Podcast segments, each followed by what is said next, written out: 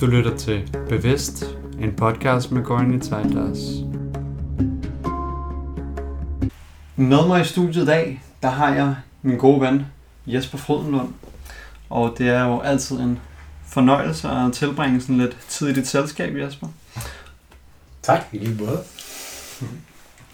Så øhm, jo, en af mange ting, som øh, jeg også synes er interessant ved dig, Jesper, det er kombinationen af din lidt atypiske start på livet. Du er meget åben om, at du er adoptivbarn, og hvordan det har påvirket dig. Men det, som jeg finder interessant, er, hvordan du med din seriøse åndelige interesse og studier, nu har du læst meget i sådan Bhagavad Gita og Shrimad Bhagavatam, de her sådan vediske, traditionelle tekster, øhm, samt dit nuværende niveau af selvindsigt, så hvordan at du, at du ligesom er blevet i stand til at se igennem din egen betingethed, og hvordan at, at det at være adoptivbarn, hvordan at det har, det har påvirket dig øh, op igennem din, din barndom og dit, også i dit voksenliv.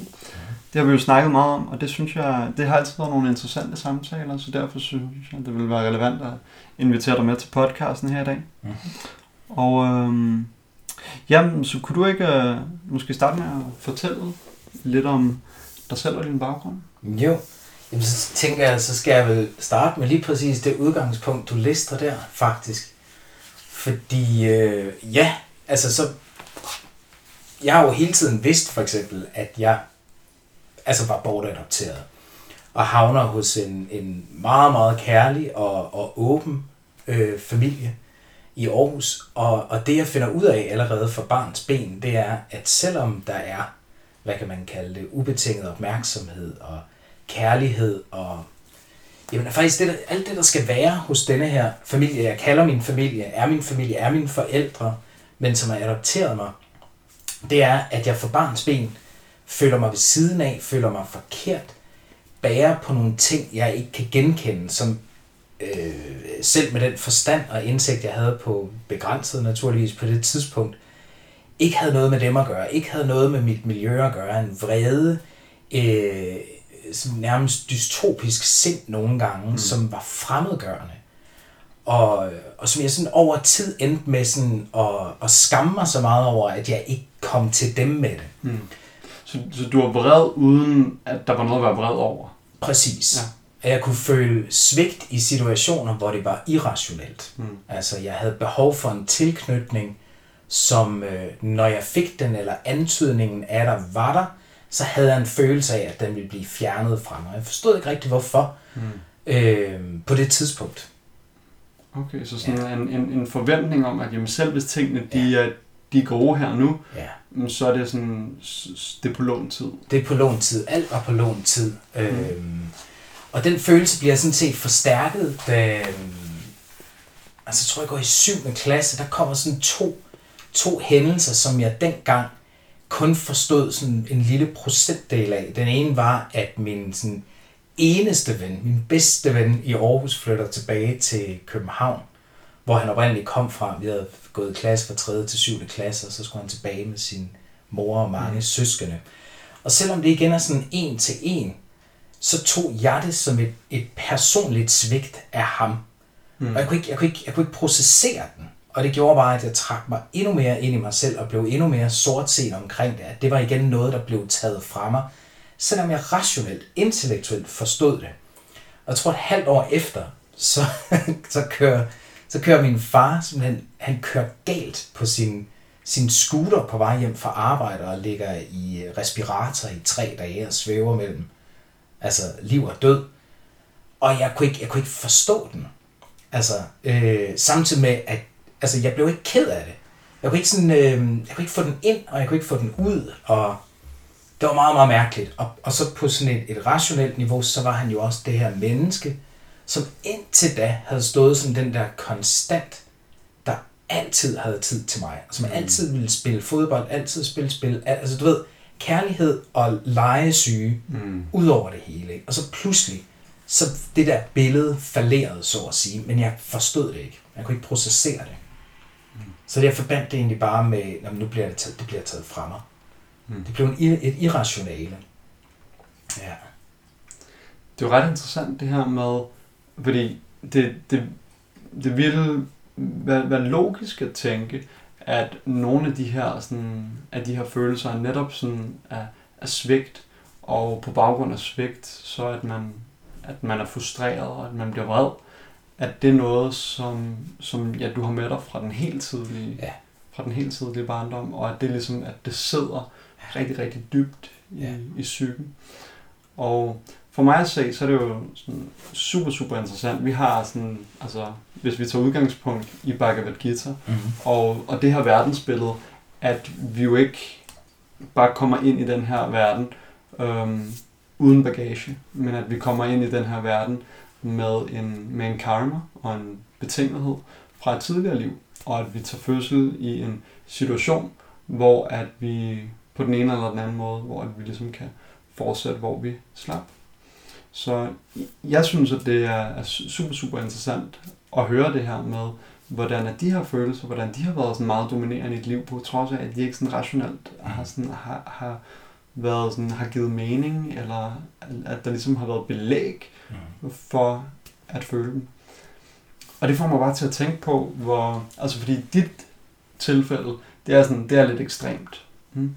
Men igen, der er jo rigtig, rigtig mange mennesker mm. i den moderne verden, hvis barndom er sådan ret ekstrem. Altså hvis man tager udgangspunkt i, at jamen, hvis, hvis en naturlig standard, det er, at, at bare jamen, at, at mor og far, de bliver sammen. Ja, Det er jo de færreste nu om dagen, altså, præcis.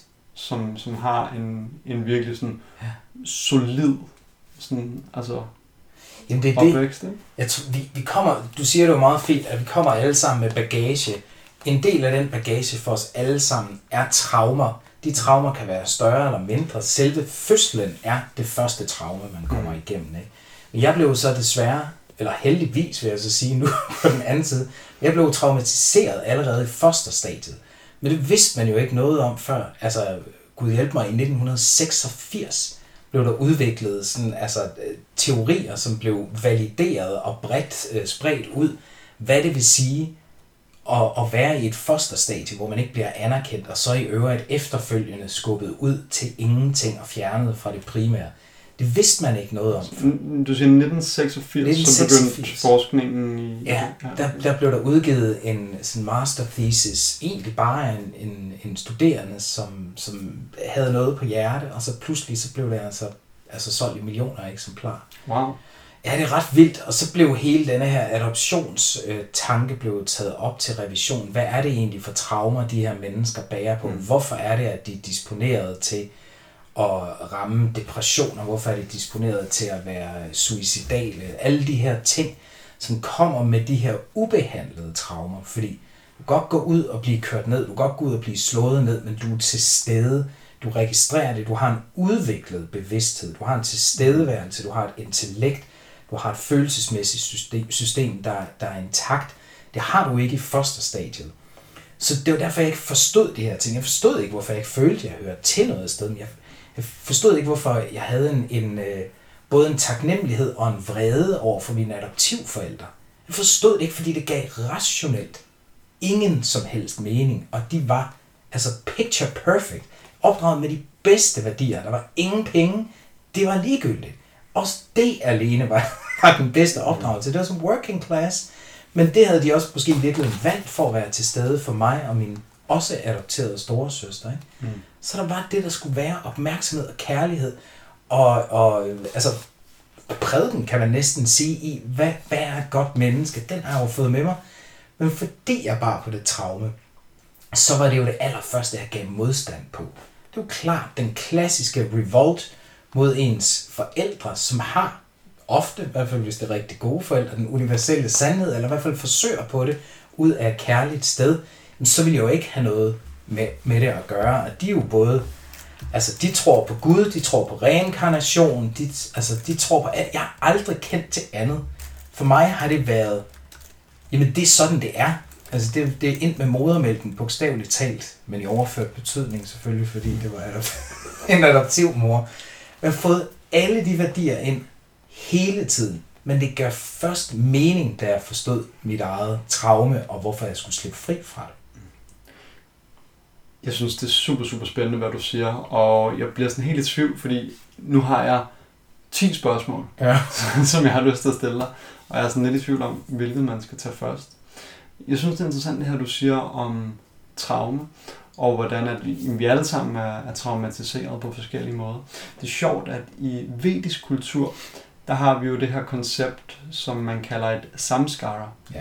Og samskara, det betyder jo et, til dem, der ikke er familiære på sanskrit, det betyder sådan et stærkt, positivt indtryk. Man har de her sådan 16 ritualer, som folk de går igennem fra fødsel til alderdom.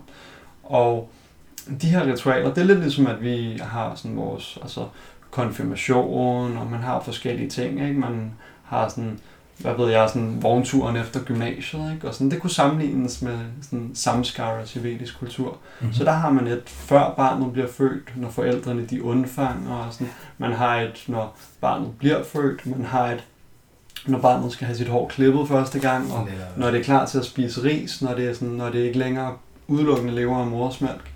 Og øhm, så der er de her sådan samskaras. Og det er et tema, at de her samskaras, de bliver ligesom, de bliver udført på en sådan måde, så de kommer til at efterlade et stærkt positivt indtryk i barnet selv. Mm-hmm.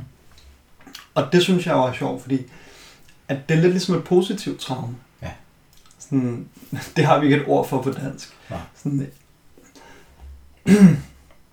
så, men du siger, at vi alle sammen er, er, sådan, er mere eller mindre traumatiseret, og at nu i dag, hvor at du ved det her ting, Ja. om hvordan at du er betinget, det får mig til at tænke på, jamen, hvis du havde vidst det her, okay, man kan måske ikke sådan være så selektiv i sin, i sin opførsel, når man er, sådan, Ja. man er 2, 3, 4 år gammel, eller sådan. Ja. Men lad os sige for eksempel, at, at du havde fået den her, sådan, den her viden og information om, hvordan at du er betinget fra fødslen Ja. i, lad os sige, dine teenageår. Ja.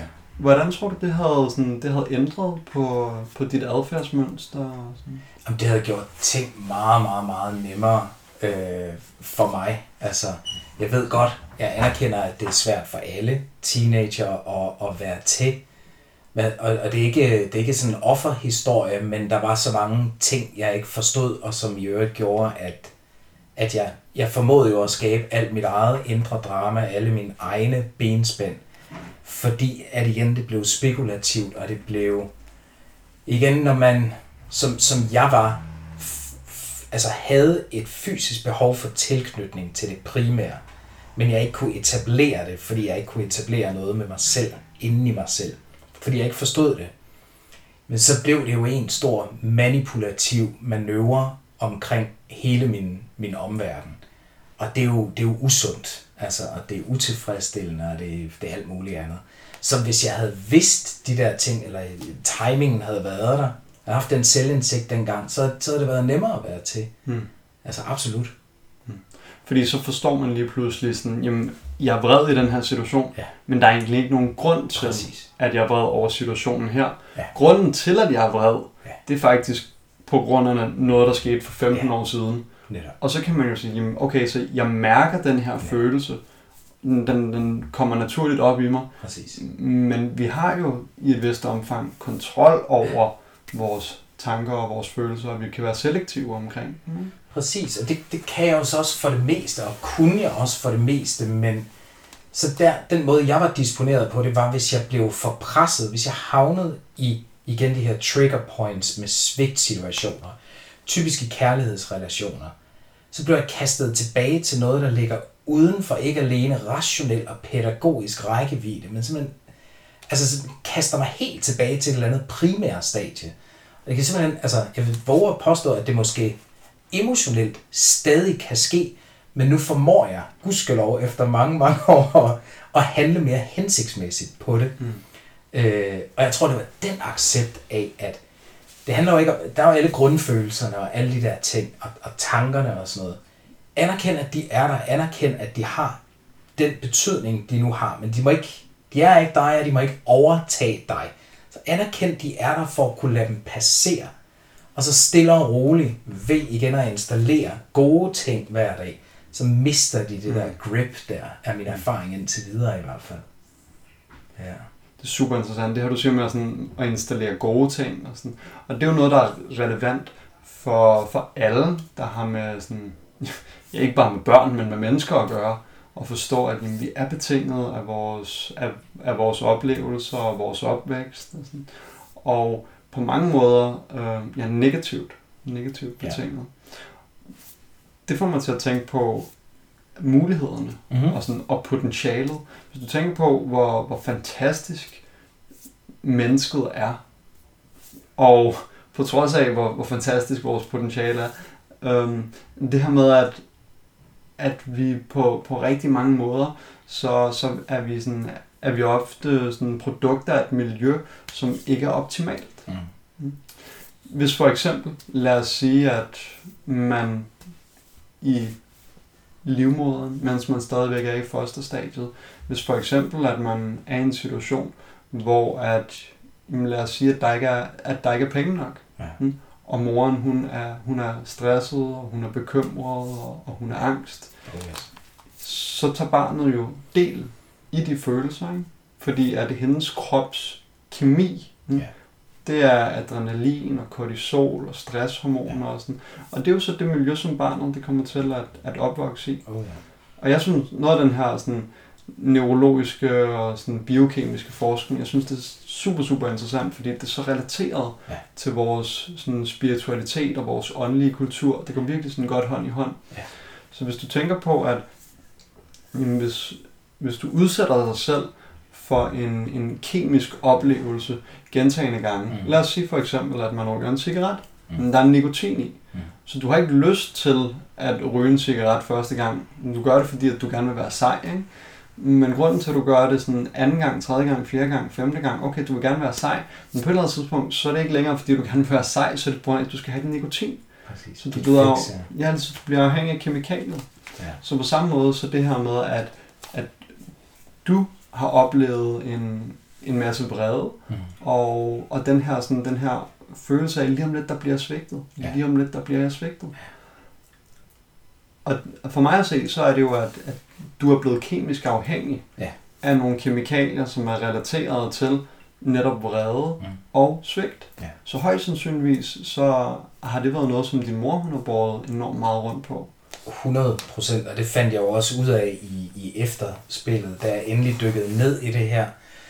Opsøgte jeg jo så også min biologiske mor kort tid før hun døde, og, og fik uh, skabt uh, relation til hendes søskende, uh, og også min biologiske far, altså, og finder får så desværre bekræftet nogle, nogle uheldige ting, men som igen gør, at jeg får skabt redskaber. Det ene var jo, at jeg var underkendt i fosterstadiet. Hun anede ikke, hun var gravid, før hun var 6 måneder henne.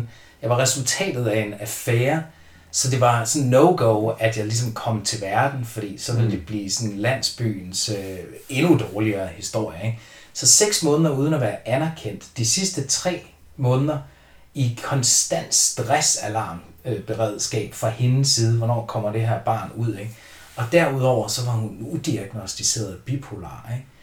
Det er altså arveligt transferable. Det samme med min, min biologiske far havde en, en eller anden form for diagnose og begår selvmord. Sådan noget det er også arveligt.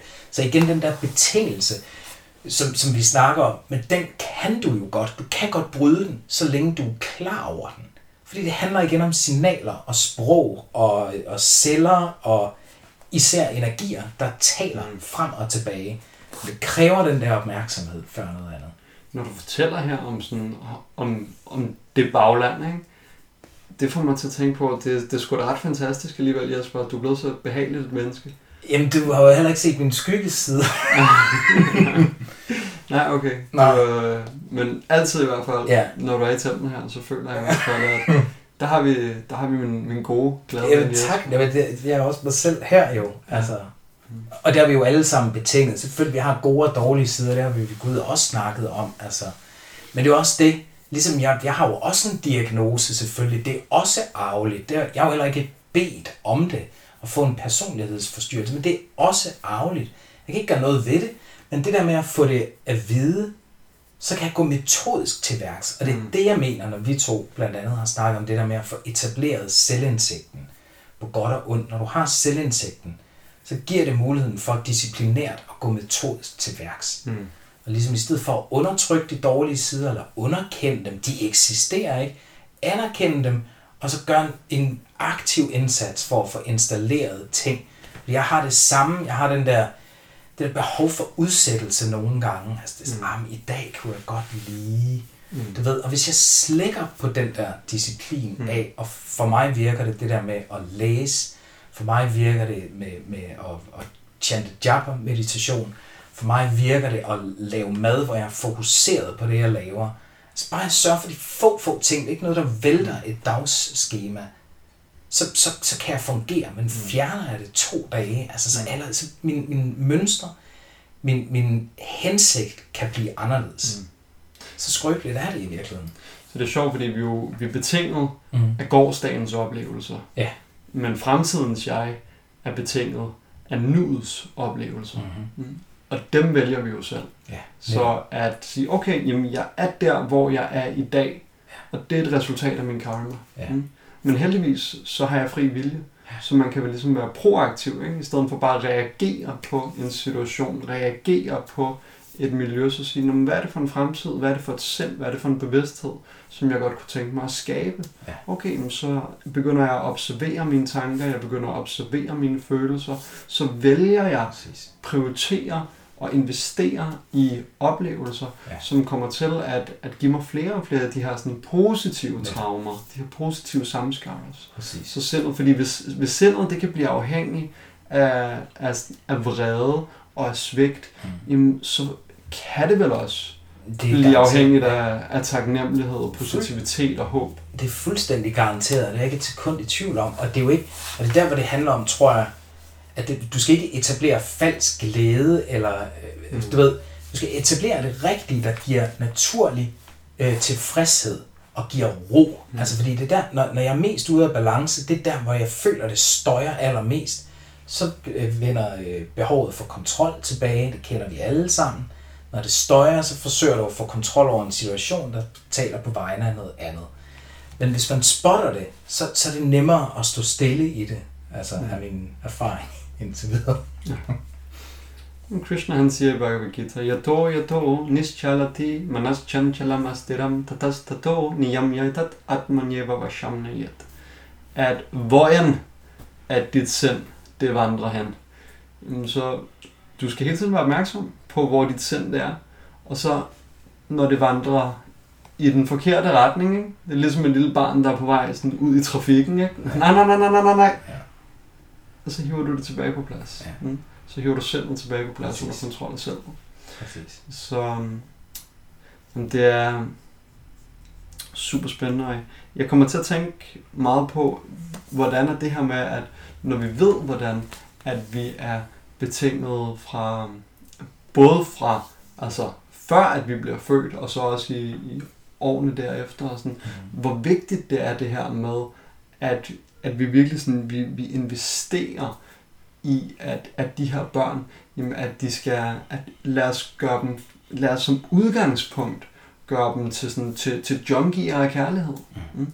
Altså lad, lad os tilvende dem en emotionel standard Ja. af, af taknemmelighed og at føle sig elsket og sådan, og at, man, at forældrene de praktiserer sådan medfølelse og altruisme og sådan nogle ting, ikke? fordi at, jamen, det er det, vi gerne vil programmere ind i Ja. vores børn. Ikke? Præcis. Jeg havde en super interessant oplevelse på et tidspunkt med øh, en, en sydænder, som Mhm. mm-hmm. kom på besøg. Han hedder Revati Raman. Og øhm, han, øh, han kom og tjekkede templet ud her, fordi han havde en, en gammel bekendt, som havde været munk i Tirupati i Sydindien, hvor at han kørte til tempel af Revati Raman her. Så han kom til Danmark for at besøge ham, min gode ven, Amita Krishna. Og, og det var ret sjovt, fordi han havde aldrig nogensinde været i, i Europa før. Han har levet hele sit liv i Sydindien. Og da han kom til Danmark, så var det ret sjovt at tage ham med ud på sightseeing. Og sådan fordi, at, at den kultur, den var bare så anderledes fra hvad han var vant til. Ja. En, en af de ting, der fuldstændig crackede mig op, ikke? han spurgte, "Where- where's all the cows? Ja. Når man har været i Indien, så ved man godt, at jamen, kør, jamen, det er ikke sådan noget, som, som du ser, når du kommer ud på landet. Jo, det gør du også. Ja. Men kør de over det hele. Præcis. Altså, de er sådan, vejene. de er de er en aktiv del af, af bylivet og gadebilledet, ikke? Og sådan noget. De er, Ja, så det kunne han ikke forstå. Hvor kører han? Og så synes han, at det var noget så fascinerende, altså på en, men på en dårlig måde, at, at mødre, at de var så distancerede fra deres børn. Okay. Han, han lagde mærke til det her konceptet med barnevogne. Ja. Det i tale satte han. Ja. Og så sagde han, det der, det er helt forkert. Ja. Det er helt forkert. Det er sådan, at et barn, det skal, det skal bære sin slynge. Mm? Og det skal have sit hoved liggende Ja. med øret på morens bryst, så det kan høre hendes hjerte. Ja, præcis. Og det får man... Og da han, da han sagde det, det var sådan, mm, det kan jo super, Det super er, god common, mening. det er common sense, det er det virkelig. Og det er jo også det er jo vundet lidt mere indpas nu. Nu kender jeg jo ikke uden for Danmark, men nu ved jeg jo det selv med de, de børn, jeg trods alt har efterhånden. Altså, der, der har det... Altså, den litteratur om, hvad der gavner et spædbarn bedst, altså er relativt bredt tilgængelig nu, Mm. mm. men, men det er som om, når man kigger i gadebilledet, at det, at det stadig går hen over hovedet på en del. Ja. Men man ser der flere og flere bæreseler. Også det der med, at jamen, barnet skal indad og ikke udad, fordi for, altså, sorry, jeg vil bande der, verden er stor. Man skal sgu da ind, ind til mor eller far, når man er Mm. ude i verden. Ja. Og så videre, ja. Så det får mig til at tænke på, at jamen, når jeg på et eller andet tidspunkt i mit liv skal have børn, jamen, så virkelig sådan, altså, tænke over de her ting. Ikke? Og jeg håber da, at i et familieliv, at kunne være i en situation, hvor at forældrene vil kunne have så meget tid, energi og overskud til at, at give børnene sådan fuld opmærksomhed. Jeg tror meget på det her med, sådan, med det traditionelle familieliv, at man har en far, der forsørger, og så har man en mor, der er hjemmegående og jamen, som, som simpelthen har mulighed for at, fordi det, altså, hvad kunne være vigtigere, ja. end at, end at bare sørge for, at de her børn, de får, hvad de skal bruge. Jamen fuldstændig. Vi har også tidligere, har vi to jo også snakket om, om hjemmeskoling, og altså, det, der er ikke noget, der tiltaler mig mere, men hold da op, det er også en angstprovokerende ting. Men man skal jo egentlig bare måske tage den helt simpelt og kigge på, okay, hvad er det for en skoling, du, ikke for at bruge et negativt ord, men hvad er det for en skoling, du udsætter dine børn for i Danmark? Mm. Overvej i hvert fald øh, alternativet. Mm. Altså, vidderligt. Mm. Og der tænker jeg nok i virkeligheden mere på det, du Mm. Fravælger at undervise børn i, i, øh, i vestlige skolesystemer. Ja. Det er Altså- lidt skræmmende. Der er min plan jo personligt, at altså, et potentielt familieliv, jeg vil ikke, altså, jeg vil ikke kunne finde på at starte det i København. Fordi at, jamen, så, så kan du ikke leve på en enkelt indkomst. Så skulle det i hvert fald være rigtig, rigtig godt betalt, men svært for en ung familie, ikke? Ja. som skal etablere sig selv med hus og sådan noget. Så kan du betale kassen for at bo i sådan en, en lille firkantet boks på fjerde etage, ikke? Og Ja. sådan, hvor at, altså, der er wifi over det hele, og det ene og det andet, ikke? Og, sådan, og så sætter man børnene i offentlig skole, og sådan... Og pff, ja, forældre, der ikke har tid til at være til stede, ikke? Og Ja. sådan noget, så... Ej, det er det. Ej, det, det, det fungerer. Den der model tror jeg heller ikke på fungerer. Øh, jeg, jeg, jeg ved ikke, om jeg selv har været i den som sådan. Så har jo nogle børn, og jeg har også boet i København, men jeg tror, jeg var heldig øh, at træffe sådan nogenlunde gode valg. Jeg tror, at den, jeg var mest underlagt, var det der med, at jeg nogle gange, især med min førstfødte, ikke altid havde tid nok, fordi en del af det var at være i hamsterhjulet. Hmm. Altså igen på grund af necessities, det der med, at jamen, det koster meget at bo i København. Hmm. Ja. Øhm, og det var ikke fedt. Hmm. Så det, det vil jeg meget gerne undlade at gøre igen. Er altså forældre, der har vældig, vældig travlt. Ikke? Fordi hvis du har to forældre, der begge to skal, skal tjene penge og sådan, jamen altså også bare sådan noget som hjemmelavede måltider og sådan noget. Jeg, jeg er rigtig, rigtig glad for mine forældre, skal det lige siges. At på trods af, at altså, de, de havde vældig, vældig travlt, og sådan, jeg har også to brødre, som har været sådan ret vanskelige på mange måder. Ikke? Øhm, men for eksempel bare sådan ting som, altså, at, at det var da sjældent, at der blev taget sådan virkelig god tid til, at man lavede sådan et, et godt hjemmelavet måltid. Og Ja. sådan, det, var, det var sådan nogle ting, der lidt sådan blev, blev, nedprioriteret. Ikke? Og sådan, og det synes jeg, er- det synes jeg virkelig er synd. Og igen får mig til at tænke på, jeg er super, super glad for, for vedisk kultur. Og sådan, meget af det, sådan, at det her, når vi snakker om vedisk kultur, er på nuværende tidspunkt for mig sådan super teoretisk. Fordi det, det er det, vi tror på, Ja. og det er det, der er vores ideal. Og det er det, vi sådan fortæller og, og prædiker til folk, at sådan, jamen, det, det er det her, der virker. Mm. Men vi har ikke rigtig nogle sådan gode praktiske eksempler. Nej. Mm. Men det her med, hvis du kigger på, sådan, på den traditionelle vediske model for et familieliv, den synes jeg jo er super cool, hvor du har en mand, der forsørger på den ene eller på den anden måde, og så har du en mor, som er til stede for børnene, og hendes primære rolle, det er egentlig bare at give børnene sådan kærlighed på alle mulige måder. Skabe en atmosfære, skabe et miljø, hvor de kan trives, sørge for, at de får god, sund mad, der er lavet med kærlighed, være der til at, at trøste dem og passe på dem, og, sådan. og så samtidig bedsteforældre. Ja. Det er da også noget af det mest naturlige, ikke? At, sådan, at små børn, jamen, at de har deres bedsteforældre tæt på, fordi at forældrene, de tager sig af deres egne forældre. Hmm.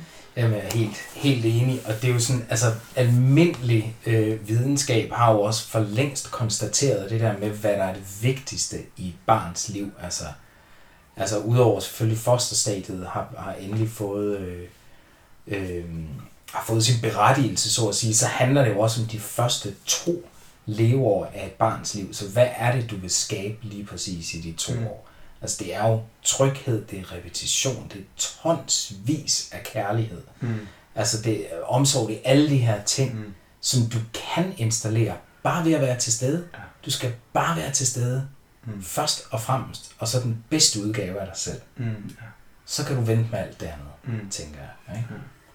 Det, det er jo bredt accepteret nu, at det er sådan, det er. Altså, og så stadigvæk, så ser man, jeg har jo også arbejdet i en vuggestue i min pure ungdom, og så de her Frederiksberg-forældre have travlt med at komme tilbage på arbejdsmarkedet, når de her børn var altså 5, 6, 7 måneder, afleveret klokken 7, hentet klokken 5. Ikke? Mm. Altså, den fattede jeg jo allerede der, selvom jeg var 19, der sådan, wow, sådan vil jeg ikke gøre, når jeg bliver forælder en gang. Ikke? Mm. Men det, det var normen. Jeg ved ikke, hvordan det er i dag. Jeg tror, det er ret meget normen i de store byer, desværre. Altså.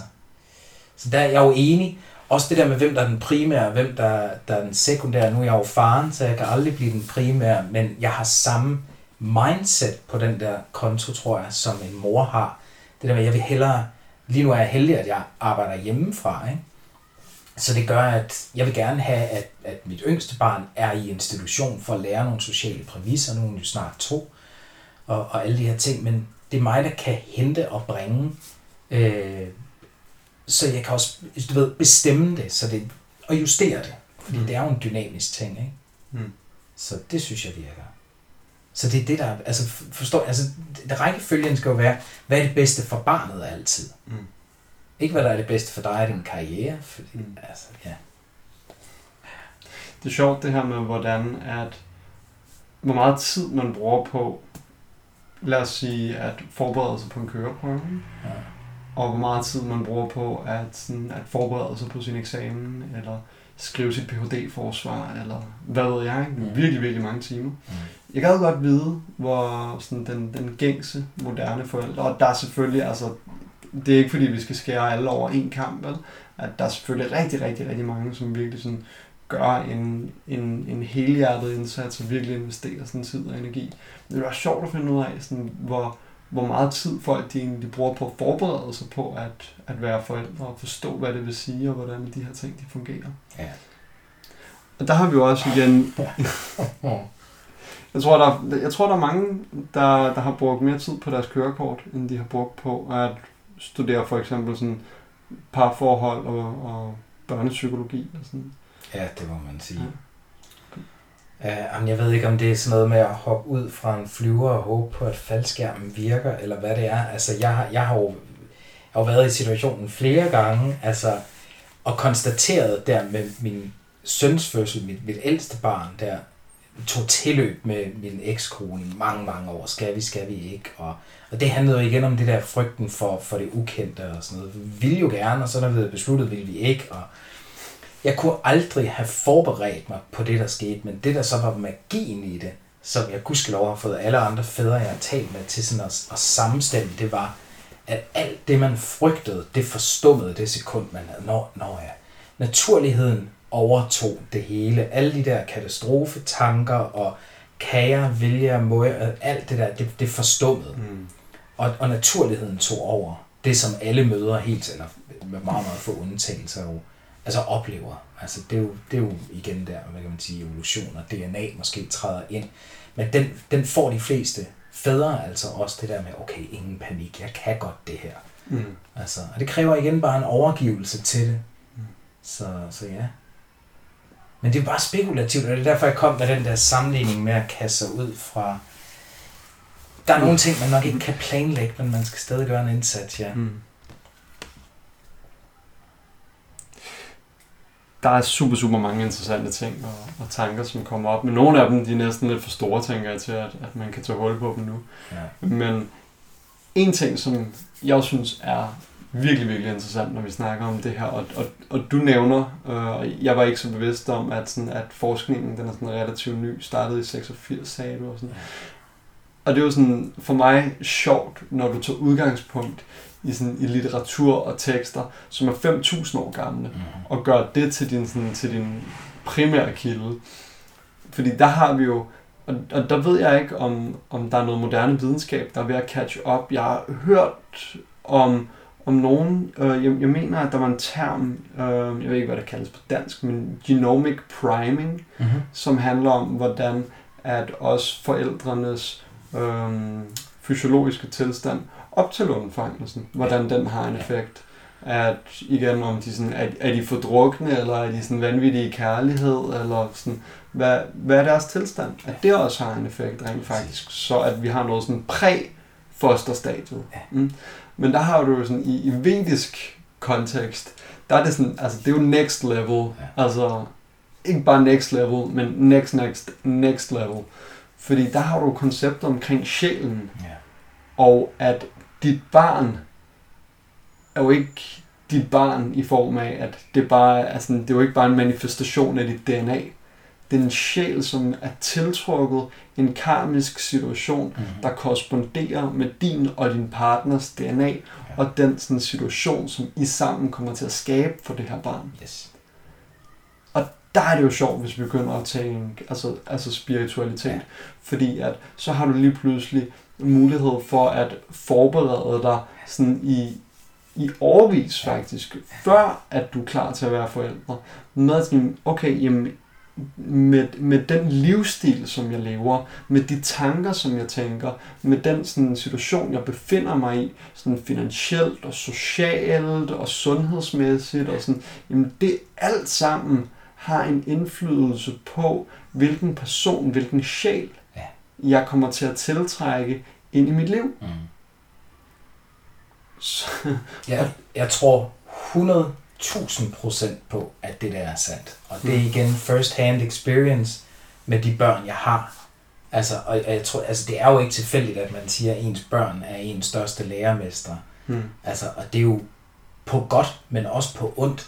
Altså, fordi der er en grund til, at man får de udfordringer, man får, især med det aller tætteste. Altså, Hmm. og det, det kender jeg også, det har vi også snakket om, at, at øh, min, min søn er meget, meget udfordret. Hmm. Altså, og, og trippeldiagnostiseret og så videre, ikke? Altså, det, det er der, men samtidig så er han det kærligste og det klogeste væsen og det mest kreative væsen. Men det kræver, at jeg tilgår ham på en helt bestemt måde, der fjerner alt ego, fjerner Mm. alt det, som er min udfordring, før han kom til verden. Hmm. På grund af min betingelse. Mm. Det, altså, selvfølgelig giver det mening. Altså, det gør det. Altså, ligesom hvor min, min seneste er let og spunky og, og mega hurtig og dristig og alle de der ting, som også udfordrer mig på en anden måde. Mm. Troen på, at man kan give slip, og man ikke skal være lack of a better word, overbeskyttende. Altså, Mm. se hvad hun kan, og hun, ja, hun slår sig, men hun er okay. Ved, Der er ingen tilfældigheder, hvad det der angår. Helt sikkert. Soul connection. Sjov, vi har et ord igen, der er mange sjove ord på sanskrit, og et af dem, der bliver nævnt i Bhagavad Gita, som er interessant, hvis du kigger på sådan, på sådan social dynamik og kultur og sådan, det er Varna Shankara. Mm-hmm. Og Varna, det betyder jo sådan vores, vores natur, vores inklination, hvad vi, ligesom, hvad, hvad vi er gode til at have tilbøjelighed for. Og, sådan. og Shankara betyder, at det er sådan lidt hulter til bulter. Ja. Så Varna Shankara er, sådan, er, er, er mennesker, som ikke rigtig er blevet sådan er, er, sådan, er, er blevet planlagt og har fået den rigtige træning. Så i vedisk kultur, der var det jo sådan, altså det, det var jo standard, at før at, altså når et par de fandt sammen, at så begyndte de er allerede sådan overvis før, at de blev forældre, så begyndte de at, at køre det her, der hedder Gabadan Samskata, som betyder, at man tager forskellige sådan, løfter, og man mediterer, og man, man gør ting, og man laver offerhandlinger og forskellige karmaer, og sådan, med henblik på at, at tiltrække en speciel sjæl. Og så med det, vi ved i dag, alt det, du har nævnt her, med, sådan, med, med fosterstadiet, og hvor vigtigt det er, at, at de får kærlighed, og hvor katastrofalt det kan være, at hvis forældrene de føler stress, vrede, svigt, mangel, sårbarhed, alle de her ting. Og så også de første par år, hvad de bliver udsat for, hvor meget kærlighed de får, hvor meget forældrene de er til stede. Det får mig til at tænke på, at hvis de her ting, det var sådan noget, der blev, sådan, der blev skabt en, en bred bevidsthed om. Mm. Hvis det her, det var sådan noget, man underviste, ja. altså, okay, vi har seksualundervisning i skolen, ikke? Ja. og man lærer, hvordan at man undgår at få børn. Ja, præcis. Det er basically seksualundervisning. Ikke? Du lærer at, sådan, at tage et kondom på en dildo. Ja.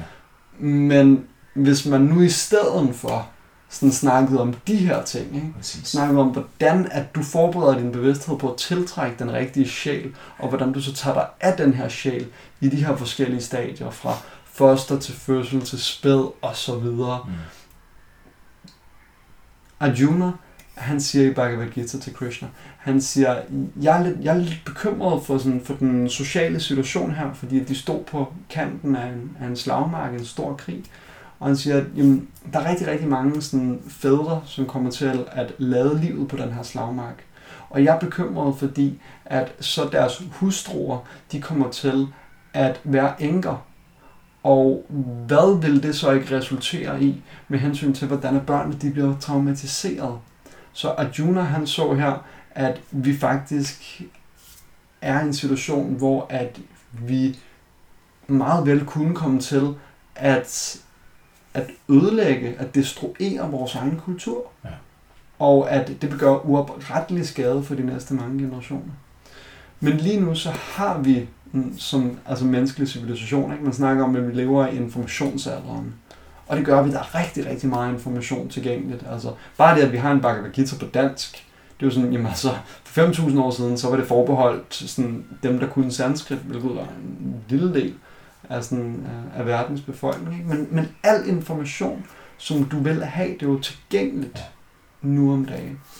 Så der er så mange udfordringer i den moderne verden, men der er virkelig, virkelig også nogle, nogle fede værktøjer, nogle rigtig, rigtig fede potentialer. Og jeg synes, vi har været nogle super, super fede emner mm-hmm. øh, forbi her i dag, og øh, jeg er helt sikker på, Jesper, at jeg inviterer dig forbi igen til, øh, til flere gode opfølgende snakke. Men øh, for nu, så tror jeg, jeg vil sige tusind tak, fordi at du ville øh, komme og besøge mig. Tak fordi jeg måtte være med. Mm.